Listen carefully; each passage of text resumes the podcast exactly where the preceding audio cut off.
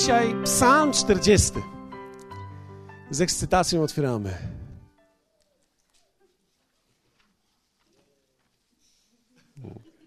Myślałem, że usłyszę szum Biblii. Tak czekałem na niego. Psalm 40, werset trzeci do czwartego. Psalm 43, 4. Wyciągnął mnie z dołu zagłady, z błota grząskiego. Postawił na skalę nogi moje, umocnił kroki moje. Włożył w usta moje pieśń nową, pieśń pochwalną dla Boga naszego. Ujrzy go wielu i ulęknie się i ufać będą Panu. Dzisiaj chciałbym podzielić się z Wami słowem. Ja dzisiaj w zasadzie rozpocznę to i będę kontynuował dalej w niedzielę. Ale dzisiaj wierzę w to, że Bóg będzie prowadził nas ku też uzdrowieniu w pewnych dziedzinach i obszarach naszego życia, a będziemy mówili o tym, jak stanąć na skalę w naszym życiu, jak stanąć na skalę. W pewnym sensie, e, jak ktoś z Was zna mnie trochę dłużej, to wie, że, że mówimy cały czas o chrześcijańskim życiu. Chrześcijańskie życie. Amen? Ono nie składa się z jednej decyzji, a później wszystko w rękach Boga.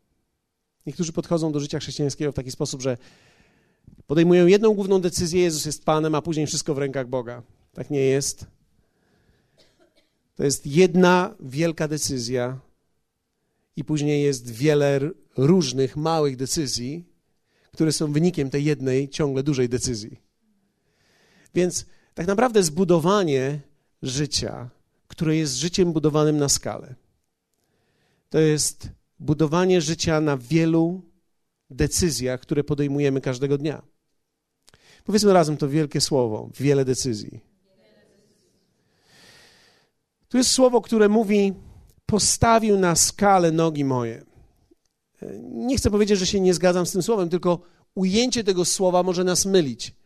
Dlatego, że w drugiej Mojżeszowej, w 33 rozdziale, w wersecie 21, nie musicie tego otwierać akurat, ale posłuchajcie, jeśli ufacie, że to, co czytam, jest z Biblii. I rzekł Pan do Mojżesza, rzekł, oto miejsce przy mnie, stań na skalę. Oto miejsce przy mnie, stań na skalę. Tak jest? Oto miejsce przy mnie, stań na skalę. Więc z jednej strony mamy to słowo, postawił na skalę nogi moje, a z drugiej strony Bóg mówi, stań przy mnie. Oto jest miejsce przy mnie, stań na skalę. Więc to brzmi tak, jakby Bóg nas stawiał ale naprawdę w życiu to jest tak, że to my sami stajemy poprzez posłuszeństwo i poprzez decyzję Jego Słowu. Więc to nie jest tak, że Bóg bierze ciebie i automatycznie stawia ciebie na skalę, ale ty poprzez decyzję swojego życia budujesz coś na skalę. To jest miejsce przy nim. Ta skała, na której możemy się oprzeć, jest naszą decyzją i wyborem. Więc nic nie dzieje się automatycznie w życiu chrześcijańskim. Jedna z najgorszych rzeczy, którą myślę, że wielu wierzących musi jakby wyjść z tego, to jest myślenie, że jak przyjdą do kościoła, to Bóg resztę za nich załatwi. Ja bym tak chciał. Ale wiecie, czasami to obiecuje nam religia, ale to nie jest prawdą. Bóg nie załatwia za nas rzeczy.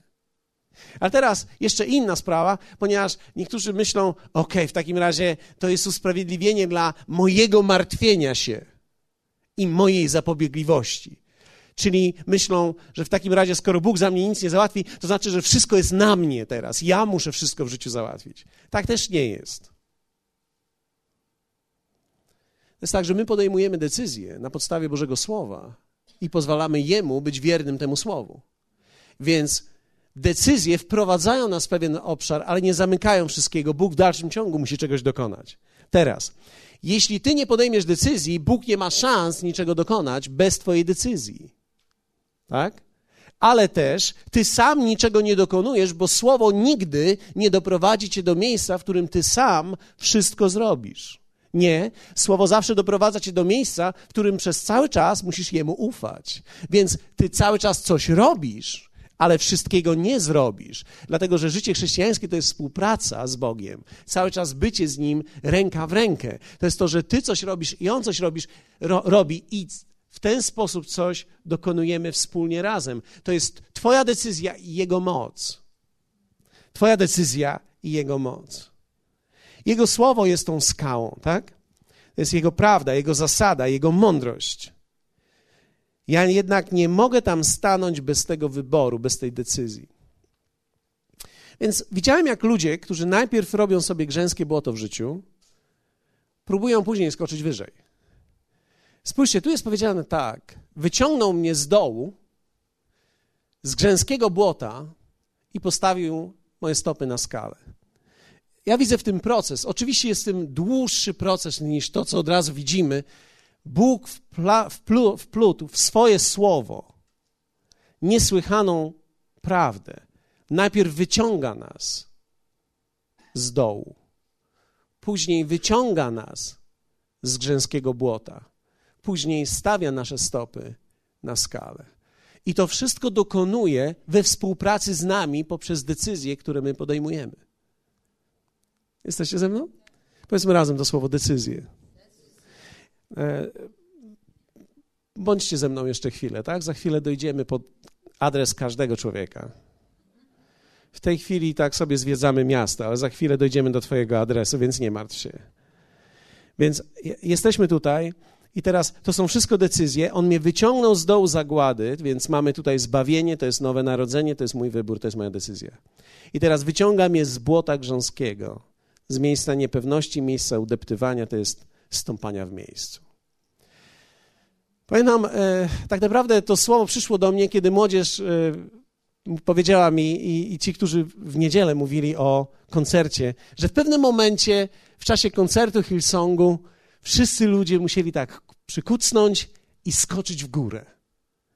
Myślałem sobie, hmm, to wygląda jak życie chrześcijańskie. My cały czas próbujemy skoczyć wyżej. Ale tak naprawdę nasz skok wyżej zależy od tego, jaki mamy fundament na dole. Więc jeśli jesteś w grząskim błocie na dole i próbujesz skoczyć wyżej, no to ta wysokość jest ograniczona do praw fizyki wynikających z tego, w jaki sposób człowiek odbije się z grząskiego błota. Więc wszystko zależy od tego, jaki jest fundament Twojego i mojego życia. Co tak naprawdę jest w tym miejscu, w którym my próbujemy skoczyć. I teraz zobaczcie, w momencie, kiedy człowiek zrobi sobie błoto, bo człowiek może zrobić sobie błoto. Można zrobić błoto. I, I wiecie, to jest też ciekawe, że Bóg wyciąga nas z dołu i wprowadza nas w błoto. Dobrze, że już nie jestem w dole, ale nagle jestem w błocie. To jest ten element duszy nieprzemienionej. To jest ten element niepewności. To jest ten element, że ja w dalszym ciągu ducha mam uratowanego, ale moja dusza w dalszym ciągu brnie, grząznie, grzęźnie w błocie. Zachęcające, prawda? Też tak myślę. Postawił na skalę. Jest błoto zamienione na skałę, nagle mogę się odbić. Wiecie, jak tworzę moje błoto? Zadawałem sobie pytanie, jak ja tworzę moje błoto? Myślałem, że to komuś może pomóc. Dlatego, że tak naprawdę to jest jak wszyscy my tworzymy sobie błoto w życiu, a później próbujemy skoczyć. Niektórzy są bardzo dobrzy w tworzeniu błota i są nawet super w skakaniu. Ale jak jesteś dobry w tworzeniu błota, to super w skakaniu nie pomoże. Człowiek nie może przeskoczyć błota, które wytworzy. Czy ktoś z Was czuł się w takim miejscu kiedyś, że próbujesz gdzieś skoczyć, ale tak już nabroiłeś i narobiłeś różnych rzeczy, że tak co próbujesz skoczyć, to jesteś załamany tym i, i, i interesujące jest to, że błoto nie jest od razu samo z siebie, błoto się tworzy. Ja akurat y, jesteśmy w trakcie budowy, więc kiedy ktoś ma budowę, to wie o tym, że jest dużo piachu różnego, jest niezagospodarowany teren. Więc jak trochę popada i trochę pojeździ samochodów, no nie ma szans, będzie błoto. Więc jak tylko pada, jedna rzecz, o której ja myślę, to jest, żeby tylko dużo nie jeździło razy te, te samochody, to, to już byłoby super. Żeby tylko wytrzymało i przeschło. Dlatego, że każdy ruch to jest tworzenie błota. Więc błoto tworzy się. Błoto samo nie powstaje. No nie jest tak, że pada deszcz i nagle jest błoto. Pada deszcz, trzeba popracować nad tym i będzie błoto. A więc ty podejmujesz wysiłek, są sprzyjające okoliczności i tworzymy błoto. Hej, ileż my tworzymy błota? Mówię wam. I pomyślałem sobie o, o takim błocie, które możemy wytworzyć, e, które jest bardzo realne. Jak tworzę moje błoto? Możemy sobie zapisać wszyscy. Jak tworzę błoto? W przypowieści 18 rozdziale, w wersecie trzecim, przeczytasz takie słowa. Uważnie musimy je przeczytać, ponieważ one mogą nam przeskoczyć zbyt szybko. W ślad za bezbożnością idzie pogarda. Jeszcze raz, cofnijmy taśmę. W ślad za bezbożnością idzie pogarda. W ślad za wszystkim, co jest nieboże, idzie pogarda. Rozwijmy to. Wszystko, cokolwiek we mnie jest nieboże, wytworzy w moim życiu pogardę. Jeszcze raz, przeróbmy to na Amplified Polish PG Translation. Wszystko, czegokolwiek nie rozumiem prawidłowo, wszystko, cokolwiek jest złą koncepcją i myślą we mnie, doprowadzi mnie do miejsca pogardy w życiu. Rozwijmy to jeszcze inaczej. Wszystko to, czego nie rozumiem albo mam nieprawidłową koncepcję wynikającą nie z tego słowa, ale ze świata i panujących zwierzchności, doprowadzi mnie w końcu do miejsca, w którym będę gardził rzeczami, ludźmi, będę tworzył pogardę i będę gardził tym, co jest wokół mnie. Dlatego, że konsekwencją bezbożnego życia kto z was żyje bezbożnie? Ręka do góry. Śmiało, śmiało, śmiało. Nie, nie bójcie się. Znaczy, wiecie, ja y, kiedy mówię, kto z nas żyje bezbożnie, słowo, słowo czasami gra z nami. Więc my musimy wiedzieć, kiedy mówimy o czym. Kiedy my mówimy o naszym życiu, mamy na myśli życie Boże, które w nas jest, ale również ten obszar duszy, w którym się poruszamy. Więc jeśli mówimy o naszym duchu, nikt z nas nie żyje bezbożnie. Wszyscy jesteśmy święci. Powiedzmy lepiej, przenajświętsi. Wszyscy jesteśmy poddani Bogu w naszym duchu, usprawiedliwieni.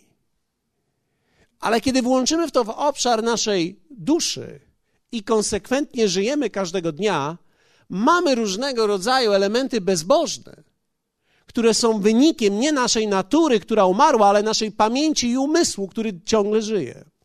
Bo nasza stara natura już nie żyje, ale nasz umysł stary jest wciąż żywy przez przypominanie i działa według schematów.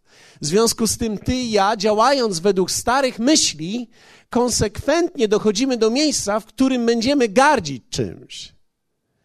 I pogarda jest jednym z takich najtrudniejszych, czy też można powiedzieć najbardziej grząskich elementów naszego życia.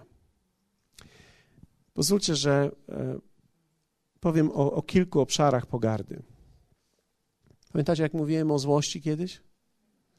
Ja myślę, że to jest jedna z rzeczy, którą czasami możemy chodzić w niej i nie jesteśmy świadomi, że ją mamy.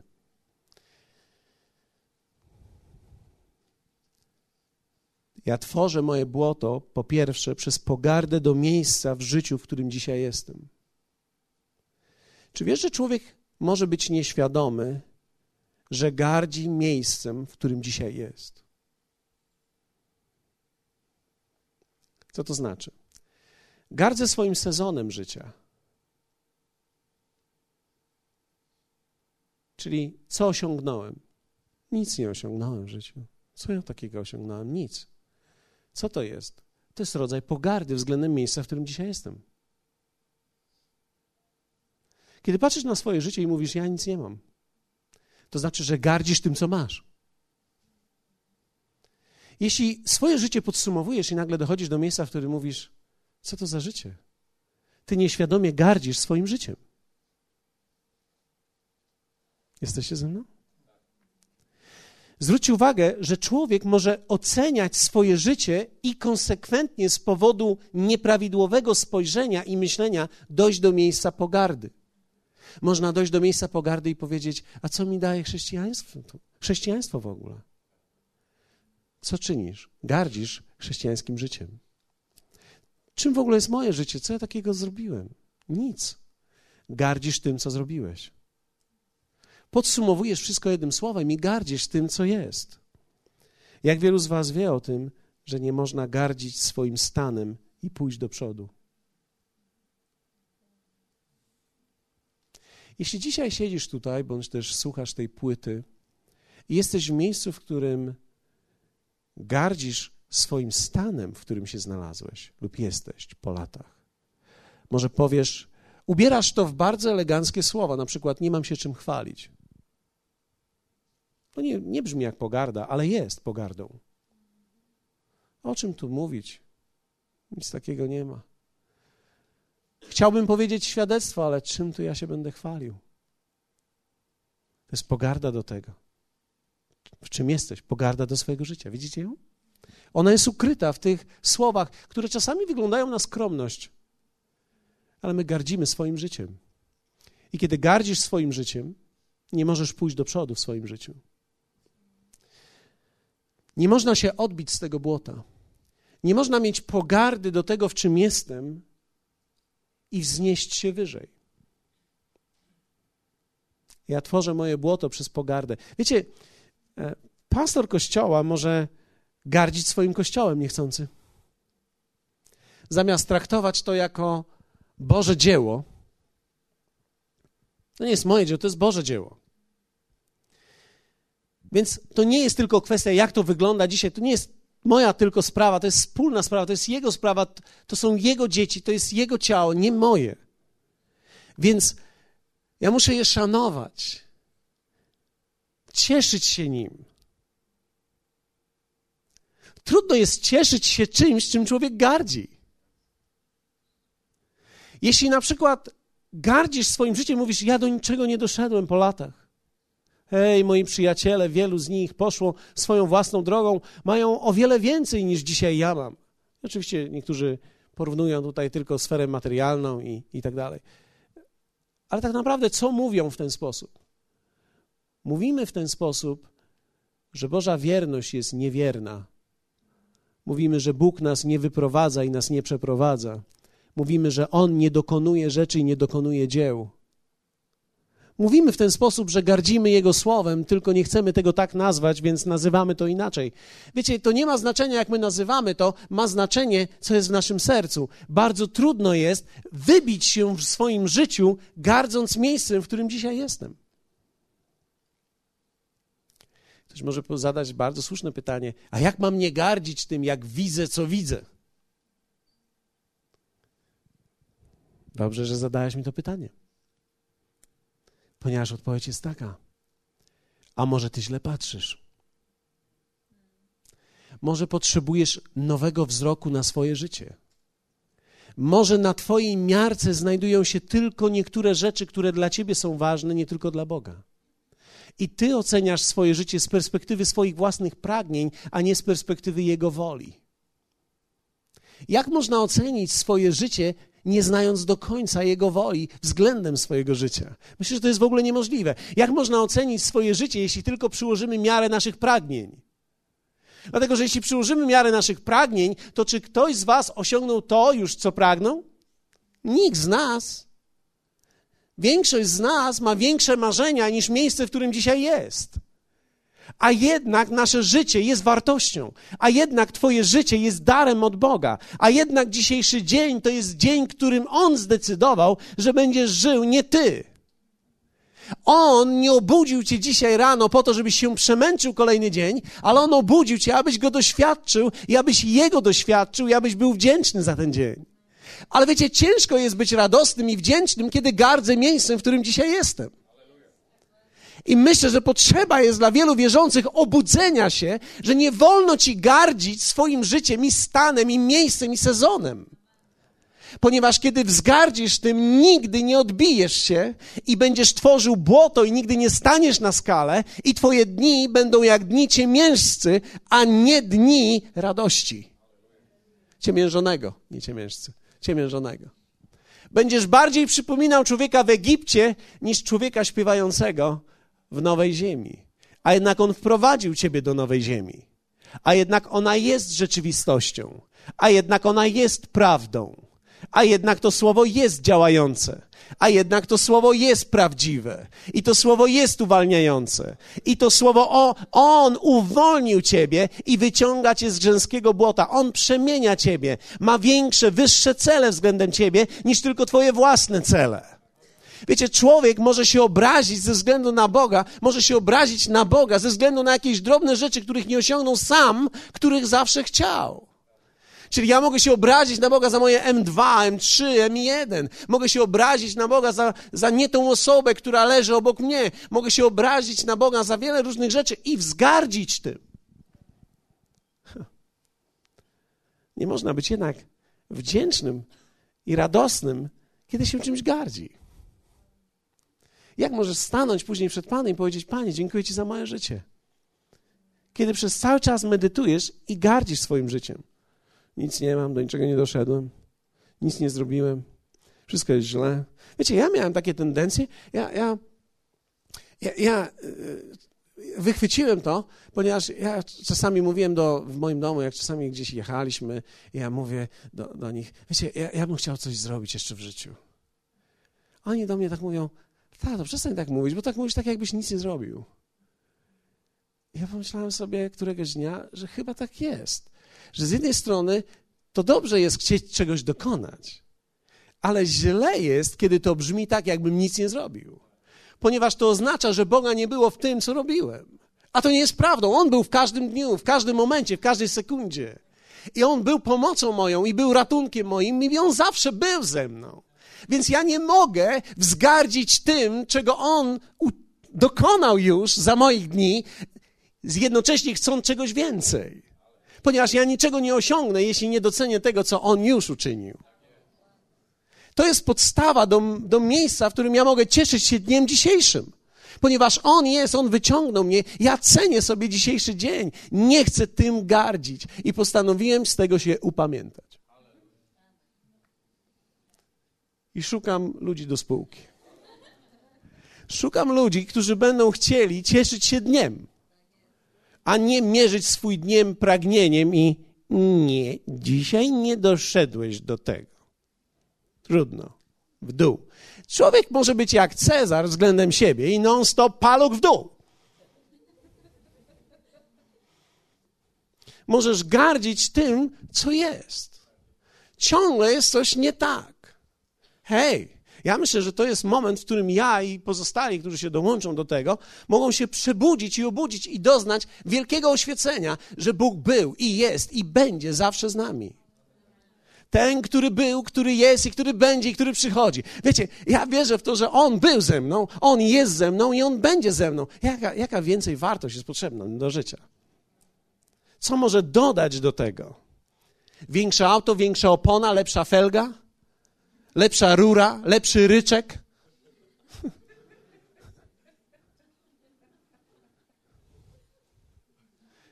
Co trzeba stuningować, żeby było tak, jak chce? I okazuje się, że cokolwiek człowiek nie robi, zawsze jest coś, co nie zadziała. Dlatego, wierzcie mi, ja spojrzałem, że o, w tych wszystkich rzeczach, które bym pragnął, muszę zobaczyć, że ja nie mogę gardzić tym, co jest. Ponieważ nie wolno mi ocenić mojego życia przez pryzmat tylko moich pragnień. Dlatego, że odkąd złożyłem moje życie w Jego ręce, ono nie jest już moje. Więc jeśli chcesz oceniać dzisiaj coś, co nie należy do ciebie tak jak swoje własne, popełniasz wielkie przekroczenie. Względem Niego. Dałeś Mu coś, powierzyłeś Mu coś, dzisiaj jesteś w tym miejscu i oceniasz to i mówisz w ten sposób: kiepskim Panem jesteś, jak na mnie. I teraz my chcemy, żeby Pan nam błogosławił, chcemy, żeby był z nami, chcemy przekonać Go naszym uwielbieniem, gdy tak naprawdę to, czego On szuka, to jest ciągle serca człowieka. Dlatego, że my możemy wielbić Go pieśnią, a gardzić tym, co zrobił w naszym sercu. I nigdzie nie podskoczysz tym uwielbieniem. Dlatego jest, dlatego tak czujesz, że nic nie czujesz w czasie, gdy uwielbiasz. Bo to wcale nie chodzi, że teraz myślisz o kurczaku i o tym, co zamroziłeś, i o tym, czy to schowałeś we właściwe miejsce. I czy samochód zamknąłeś, i czy rower przypiąłeś. To, I czy dziecko śpi teraz, gdy ty tutaj jesteś. To nie jest kwestia serca, to nie jest akurat serce. To są myśli, które przychodzą do każdego człowieka, gdy przychodzi na spotkanie. Tak? Zamknąłem, za, zatrzasnąłem, zakręciłem, przy, przycisnąłem, czy dałem jeść psu, czy dałem mu wodę, czy nie dałem mu wody, czy... Wiecie, czy... Mam wiele różnych myśli. Każdy z nas ma mnóstwo myśli. Nawet teraz siedzisz i myślisz. I, i nie, nie, myślisz tylko o tym, co ja mówię, tylko myślisz, no, ciekawe, czy tamto. Co, co jakiś czas pada do ciebie jakaś myśl. Patrzysz na buty i myślisz sobie, fajne buty. Nie, to już stare buty. Nie. I dalej, ja, ja mówię do ciebie, a ty mówisz amen. Amen, aleluja. Jasne.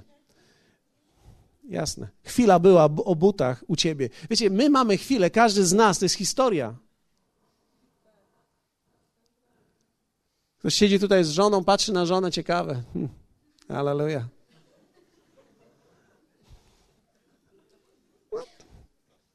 W kościele jesteś. Wieczerza.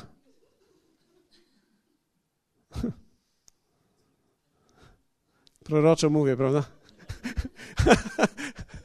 ale, ale fakt jest taki, że my żyjemy całym życiem.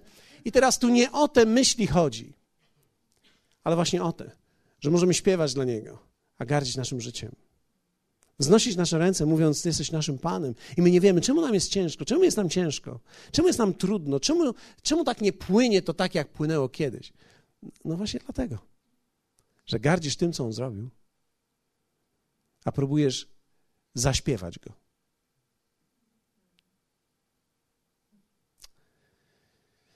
W Bogu nigdy nie było pogardy. Zwróćcie uwagę, pogarda nigdy nie była częścią Bożej natury.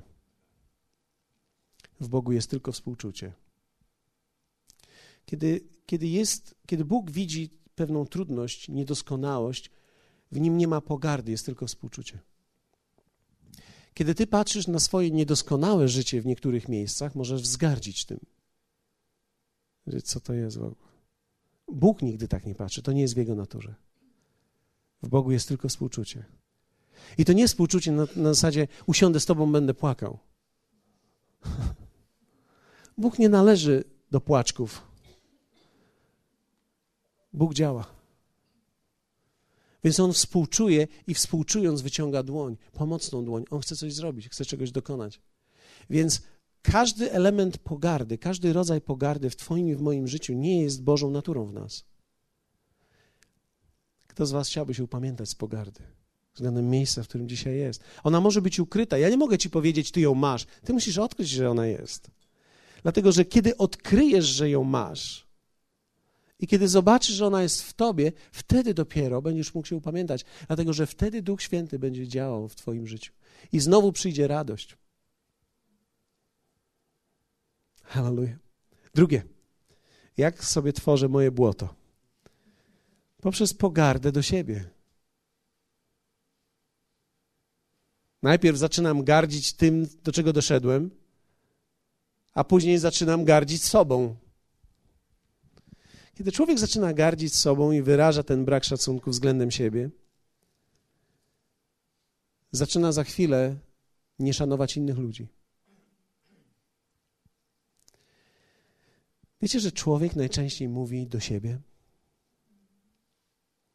Najczęstszą osobą, do której mówisz, jesteś ty sam. My nie mówimy słowami, my mówimy do siebie myślami.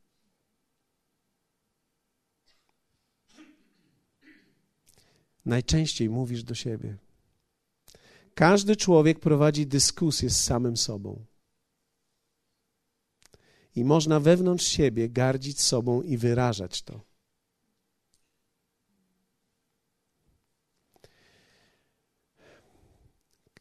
Kiedy upadasz w jakimś grzechu, ty myślisz, że problemem jest grzech, ale to, co diabeł chce uczynić tak naprawdę, to nie usiedlić się w grzechu, ale w konsekwencji grzechu. A konsekwencją grzechu najczęściej jest pogarda względem siebie. I kiedy ty gardzisz sobą, gardzisz tym, który należy do Pana. I kiedy wzgardzasz tym, który należy do Pana, jest wzgardzasz jak narzędziem, którego nie można użyć. Odsuwasz go, odrzucasz go. Wiecie, człowiek może gardzić sobą bardziej niż wszyscy inni mogą pogardzać nim. I nikt o tym nie wie.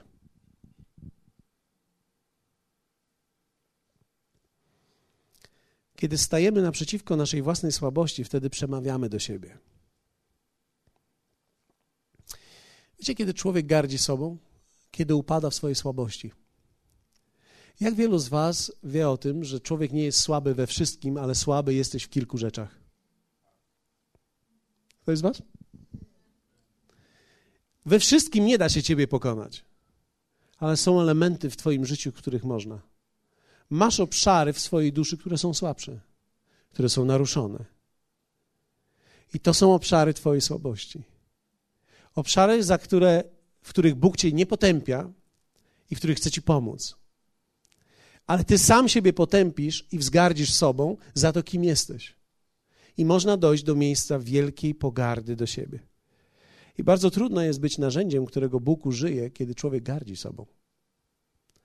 W pierwszym Jana w 3, 19, 20 czytamy, Jan opisuje niesamowitą rzecz, mianowicie stosunek swój do swojego grzechu. I pisze tak: po tym poznajemy, żeśmy z prawdy i uspokoimy przed Nim swoje serca. Że jeśli by oskarżało nas serce nasze, Bóg jest większy niż nasze serce i wie wszystko. Hmm.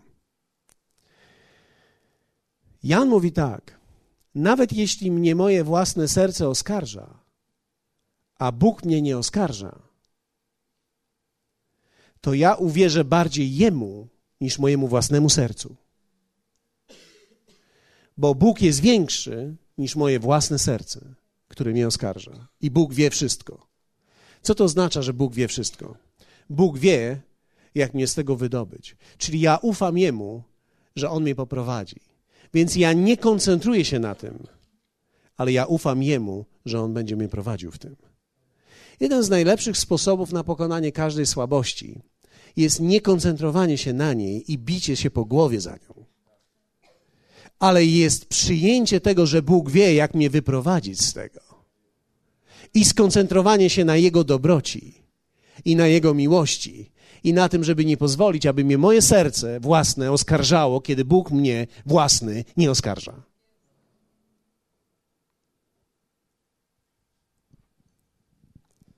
A więc ja mogę tworzyć błoto poprzez pogardę do siebie. Wiecie, spotkałem wielu ludzi, którzy w niuansach, w słowach można wyczuć ich pogardę do siebie. To może wyglądać tak. Macie jeszcze chwileczkę? To może wyglądać tak. A, ja, ja nie umiem za wiele. Okej. Okay. Ja się nie nadaję do tych rzeczy. Okej. Okay. Jak jeszcze to może wyglądać? No właśnie dokładnie tak. To są takie małe niuanse, które wyglądają czasami w religijnym świecie na pokorę. O, to nie ja, to Pan. To podchodzisz do kogoś i mówisz, pięknie śpiewasz. A to nie ja, to Pan we mnie. Pan w tobie nie śpiewa. Ty śpiewasz. Jak to? No przecież to dla Pana robi. Dla kogo robisz, to nie ma znaczenia. Ja mówię, że pięknie śpiewasz. E, wiecie, ludzie mają problem, żeby przyjąć komplement. Nie wiedzą, co z tym zrobić. Dlaczego? Bo w swoim własnym umyśle gardzą sobą. Gardzą sobą, więc mówią: Nie mogę przyjąć komplementu. A jeszcze religijny świat ubierze to w taką formę, że przyjęcie komplementu to jest pycha. Więc na wszelki wypadek ja będę dbał o to, żeby cię utrzymać w pokorze. Więc niektórzy ludzie przychodzą do mnie i mówią tak, pastorze, naprawdę kazanie było dobre, ale żebyś tak strasznie nie był w pysze, to powiem, że wiesz, było parę spraw takich, które nie były za ciekawe. Więc teraz my czujemy się odpowiedzialni, żeby kogoś utrzymywać w pokorze lub w pysze. To jest niemożliwe. Dlatego, że pycha i pokora jest wyborem serca człowieka poszczególnego. Żaden człowiek nie jest w stanie żadnym tekstem zmusić nikogo ani do pokory, ani do pychy. Nie można za dużo go chwalić, bo wzrośnie w pychę. No co, co znaczy za dużo chwalić? Ja nie bardzo rozumiem to. Ciągle chodzić i mówić, że dobrze? Tak w życiu nie jest. Jak komuś powiesz coś, fajnie wyglądasz, to za każdym razem, jak go widzisz, nie mówisz, fajnie wyglądasz dzisiaj znowu i fajnie wyglądasz, bo on się zastanawia, o co ci chodzi. Czy ty chcesz ode mnie ciuchy, czy ty chcesz ode mnie dżinsy, co jest grane? Tak? A jeśli jest odmienna płeć, to już w ogóle wiadomo już wtedy o co chodzi, prawda? Ładnie wyglądasz, ładnie wyglądasz, ładnie wyglądasz. Chociaż dzisiaj to podobno i w drugą stronę też działa. Nie wiem. Ale przyjmowanie słów uznania. Mamy problem z tym. Czasami mówimy, wspaniale, wiecie, naprawdę świetnie zużycie w tej kafeterii. Mamy świetne grupy w tej chwili w kafeterii, które służą. Nie są świetne? Fantastyczne. Kapitalni ludzie, którzy służą w kafeterii. Fantazja. Fantastyczni ludzie, którzy służą tam w tym technicznym pracowni tej całej. I, i teraz, i, i świetni ludzie robią programy.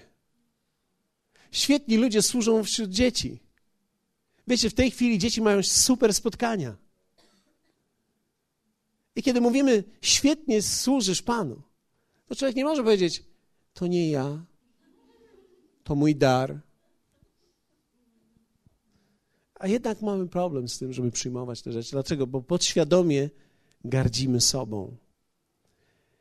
I pomyślałem sobie, a nie będę sobą gardził. Musisz tak jak Dawid stanąć przed Panem i powiedzieć: Panie, cudownie mnie stworzyłeś. Ej, jakże fajny jestem gość. Musisz to samo wierzyć. Ja nie mówię, że wszyscy cię polubią, bo to nie jest prawdą. Niemożliwe, żeby cię wszyscy polubili. Jak wszyscy cię polubią, to jesteś antychryst. A nikt nie chce być antychrystem. Więc nie możesz chcieć, żeby cię wszyscy polubili. Na pewno cię wszyscy nie polubią, ale jesteś fajny gość. Jesteś fajna babka. Super dziewczyna. I kto ma w to uwierzyć? Ty musisz w to uwierzyć. Nie, ja nie jestem fajna dziewczyna. Czemu nie jesteś fajna dziewczyna? O, bo ja nie jestem, prawda, jak Paris Hilton. Ja myślę, że jedyna dobra rzecz w Paris Hilton to jest jej konto. Ja myślę, że oprócz konta, wiecie, nie ma nic w Paris Hilton. Więc teraz ty nie musisz być kimś, ty nie musisz być taka, ty musisz być sobą. Bóg cię uczynił w cudowny sposób. Jeśli sobą gardzisz, o, e, e, mąż czasami mówi do żony, jesteś śliczna. A co ty tam gadasz? No ja nie rozumiem, co to, o co chodzi. Nie wierzysz w to? To kto jesteś? Nie mogę pójść dalej, bo się rozciągnę jeszcze. Teraz będę musiał przeciągnąć trochę dalej. Nie możesz gardzić sobą. Jak wyglądasz? O, ja bym chciał mieć więcej tutaj mów, a mniej tu mów, i więcej tu mów.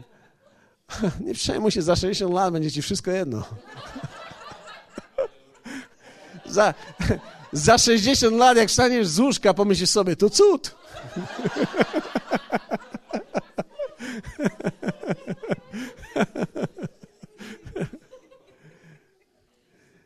Jeszcze jak błotko robimy sobie, o, jest też ciekawe błoto, to jest poprzez pogardę względem najbliższych. Wiecie, dom jest wyzwaniem dla wszystkich ludzi ponieważ wiemy o najbliższych rzeczy, o których ich otoczenie nie ma pojęcia. Dlatego są ludzie, którzy nigdy nie mogą zagrzać dłużej miejsca w jednym otoczeniu, muszą ciągle się przeflancować, dlatego że w momencie, kiedy ludzie już ich w końcu poznają, to już oni nie mogą w tej opinii wytrzymać, muszą się przeflancować, gdzie są nieznani, bo wtedy na świeżo są. I znowu są fantastyczni. A, znowu jestem super, znowu jestem świetny. Aż do momentu, kiedy cię poznają. Fakt jest jednak taki, że dom to jest takie miejsce, wiecie, rodzina to jest wyzwanie. Bo kiedy chodzisz z chłopakiem, z dziewczyną, jeśli chodziłeś za, w Boży sposób, to znaczy, że śpicie oddzielnie i mieszkacie oddzielnie, to w momencie, jeśli tak jest, to jak się pokłócicie, to każdy wraca do swojego domu. Ale jak już jesteś z mężem i z żoną, to jak się pokłócicie, to wszyscy wracamy do tego samego łóżka, teoretycznie. Oczywiście później małżeństwa, które żyją czasami w niezgodzie, są twórczy wtedy. Wtedy są różnego rodzaju kanapy i jest kanapa przedpokoju i, i ta się rozsuwa i, i czasami wtedy próbujemy, prawda, leżeć daleko od siebie na krawędziach tak, żeby się przez przypadek nie dotknąć, żeby przez przypadek nie wyszło, że ja próbuję coś. Dom jest wyzwaniem, bo wiemy o najbliższych rzeczach, o których ich otoczenie nie ma pojęcia. I kiedy gardzimy najbliższymi, stoimy w konflikcie z Bogiem. Pozwólcie, że tylko wytłumaczę na koniec taką jedną drobną rzecz. Pogarda jest cielesną reakcją na widoczny stan, w którym czujemy się bezsilni. To jest cielesna reakcja człowieka. Jak ona powstaje? Jak powstaje pogarda? Chcecie wiedzieć, jak powstaje pogarda? Przestudiowałem to normalnie na Harvardzie, powiedzieli mi o tym. Powiedzieli tak. Najpierw nie podoba mi się to, co widzę. Drugie. Nie wiem, jak mam sobie z tym poradzić. Trzecie. Odczuwam ogromną bezsilność względem tego, co wydawało mi się ważne. Czwarte. Muszę to oddzielić od siebie, aby nie odczuwać bólu. Piąte. Najlepiej zrobię, jak tym pogardzę. Czyli ja oddzielam pogardą, to nie należy do mnie. Chcę się oddzielić od tego. Gardzę tym. To jest cielesna reakcja na stan, który, w którym czuję bezsilność. W przypowieściach 23-22 znalazłem taki fragment, który praktycznie, chyba nikt z nas nie ma dzisiaj zastosowania w tym, chyba że są osoby, które nas słuchają dzisiaj na płycie, ale to jest tak, słuchaj swojego ojca, bo on cię zrodził. Ja nie wiem, czy to jest argument dla nas, ale to jest ciekawy argument. Tu nie jest napisane słuchaj ojca, bo jest mądry. Ja bym chciał, żeby tak było napisane. Ale tu jest napisane słuchaj ojca, bo cię zrodził. Inaczej mówiąc, słuchanie nie jest tylko kwestią zaczerpnięcia wiedzy, ale również postawy pokory. Więc tak naprawdę ja ćwiczę się w pokorze, kiedy słucham kogoś, kto może niekoniecznie mówi tak, jak ja bym chciał, albo nawet nie w tej wiedzy, którą ja mam, ale słucham go, ponieważ jestem pokorny.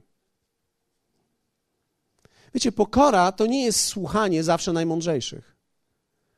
Pokora to jest umiejętność słuchania wszystkich. I dalej jest powiedziane: nie gardź swoją matką, dlatego że jest staruszką. Ja nie mam matki staruszki, więc nie mogę się w tym odnieść, ale e, wiecie, starość, kiedy mówimy tutaj staruszka, starość ma swoje ograniczenia. Taki człowiek, trzeba mu pomóc w czymś, w drobnych rzeczach. Pomóc mu, żeby podejść gdzieś, pomóc mu zjeść. Ci, którzy opiekują się starszymi osobami, wiedzą, co to oznacza. Nakarmić osobę. I teraz myślisz sobie, hej, co to za życie? Trzeba cię nakarmić. A jednak to jest Boże życie. Dlatego, że dla nas życie pędzi, dla tych ludzi już nie. Później się my dowiadujemy, że my pędzimy, to tak do końca nie za bardzo potrzebnie. Więc im człowiek bardziej dojrzewa, tym nabiera więcej dystansu do tego wszystkiego, w czym pędził, gdy był młody. Ale fakt jest taki, że można gardzić ludźmi tylko dlatego, że mają pewnego rodzaju dysfunkcję jakąś, wynikającą być może nawet ze swojego wieku, do którego, hej, jeśli dobrze pomyślimy, my również zmierzamy.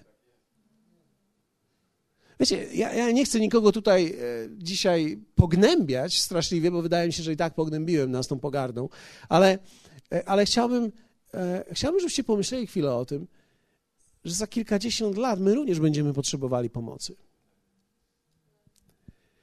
I, I prawdopodobnie życie wtedy będzie szybsze niż my teraz pędzimy i wszystko jest szybkie i, i się dziwimy, czemu czemu ty nie rozumiesz komórki?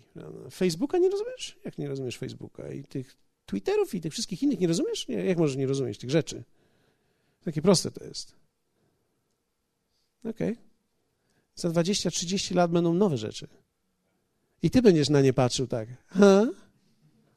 Za moich czasów to był Facebook. A oni ci powiedzą, Facebook? To brzmi jak za czasów dinozaurów. A dinozaury wtedy były, tata? Facebook. Hm. Przecież to już nie chodzi od 30 lat. Wymarło śmiercią naturalną. Wszyscy, którzy na Facebooku byli, już umarli, tato.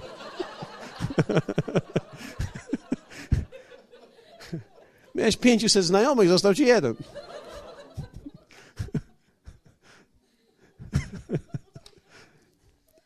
Być może już nie będzie w ogóle takich komputerów.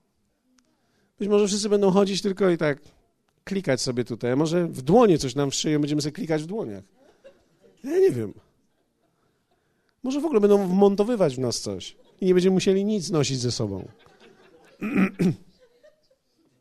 Ja, ja, nie wiem, jak to będzie. Ale wiecie, w porównaniu z tym, co się. Ja pamiętam, jak moja babcia. Moja babcia. ja, ja, to były piękne chwile, kiedy ona miała już 97 lat i myśmy oglądali filmy. Ja nie mogę mu wierzyć, jak ona przeżywa te filmy, które teraz lecą. Oczywiście już nie te nowoczesne filmy, ale kiedy oglądała ten film. Zobacz ty, zobacz ty, on go zaszczelił. Wiecie, ja jestem za pokolenia, które widziało 60 milionów morderstw w ciągu ostatnich 10 lat swojego życia. Co przełączę kanał, tam widzę, ktoś kogoś zadźgał, ktoś kogoś zaszczelił, tego przygniotło, tego zaszczeliło. Włączasz TVN24, masz 46 morderstw każdego dnia, prawda, zanotowanych, ileś tam zabitych, tych zaszczelonych. Śmierć zaczyna być normą dzisiaj. Ale dla niej to było przeżycie, bo dla niej jak ktoś umarł, to było wydarzenie, cała wioska szła. Jak jeden umarł na końcu wsi, wszyscy szli. Dzisiaj sąsiad umarł i ty nie wiesz o tym. Wiecie, życie się zmieniło. Ja pamiętam, jak ona przeżywała, ja musiałem ją uspokajać. Babcia, to tylko film jest. Co ty opowiadasz? Wiecie, ona już nie, nie, ona myślała, że to wszystko naprawdę jest. Czasami dla nas telewizja jest, mamy cztery ekrany, pięć ekranów, tu mamy Facebook, tu my gadamy, tu SMS-y przychodzą. My jesteśmy już po prostu Central Parki obstawieni na wszystkie sposoby, nawet w kościele do nas. Pik, pik, dryn, dryn, co chwilę. Choćbyśmy nie wiem ile znaków dawali. Wyłączyć telefony. Ktoś zawsze jest z tym telefonem. I ktoś zawsze i, i próbuje go wyłączyć i nagle nie umie wyłączyć własnego telefonu. I my się zastanawiamy, hej, jest XXI wiek, cywilizowany się, jeden przycisk dłużej.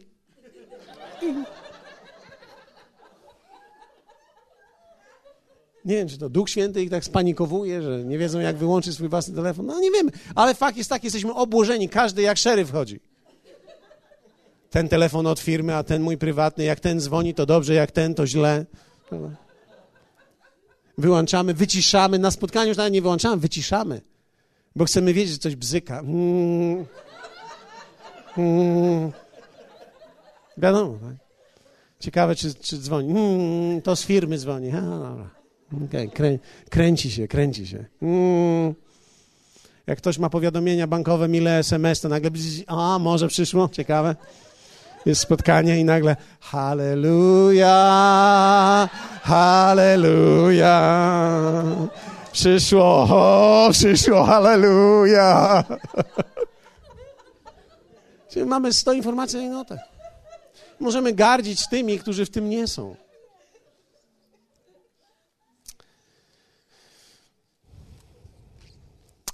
pokonać pogardę w sobie poprzez Boże spojrzenie na miejsce, w którym jestem, na siebie, na ludzi wokół mnie, na najbliższych. Ja myślę, że nie można żyć szczęśliwym życiem, kiedy się gardzi kimś, kto jest w Twoim domu. Ja, ja, ja powiem Wam szczerze, ja jestem trochę chyba już zmęczony, kiedy słyszę, jak, jak żona mówi: No, ja, ja wierzę o mojego męża. Proszę cię, nie mów mi o tym. Bo za każdym razem, jak ty mówisz, że ty wierzysz o męża, to za każdym razem w tym samym momencie mówisz tak: on jest nieudacznik, nieudolnik,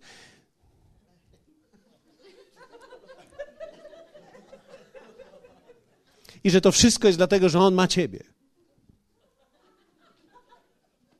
Jak? Wierzysz o niego? Wiesz, nie mów nikomu, a szczególnie drugiemu facetowi nigdy. Dlatego, że powinnaś świętować tego, którego Bóg ci dał. O, gdyby mój był taki bystry. Gdyby, posłuchaj, gdyby był naprawdę bystry, to by ciebie może nie wziął. Mo, gdyby był bystrzejszy, być może by na ciebie nie spojrzał. Ale był taki i wybrał ciebie. Połącz te fakty. Jakby był bystrzejszy, to by spojrzał dalej. A że taki był, zobaczył ciebie. Nie wiem, jak z tego wybrniemy do spotkania uzdrowieńczego, ale pomyślałem, wieczerze mamy, jak mam to połączyć, nie wiem teraz. No nie wiem, no niech w końcu to nie jest mój kościół, tak? Bo Boży Kościół to jest, muszę sobie co jakiś czas przypominać, niech Bóg tak ktoś poskłada, ale, ale wiecie, ja, ja myślę, że jest w tym wielka siła, kiedy możemy nawzajem siebie świętować. Znać swoje słabości i świętować się. Radować się. A o tym będę mówił w niedzielę. Pomyślałem sobie, że dzisiaj chciałbym, żeby każdy z nas mógł spojrzeć na te rzeczy i zobaczyć, w których miejscach i momentach zgardzisz. I kiedy gardzisz, tworzysz błoto, a kiedy tworzysz błoto, nie można wyskoczyć wysoko.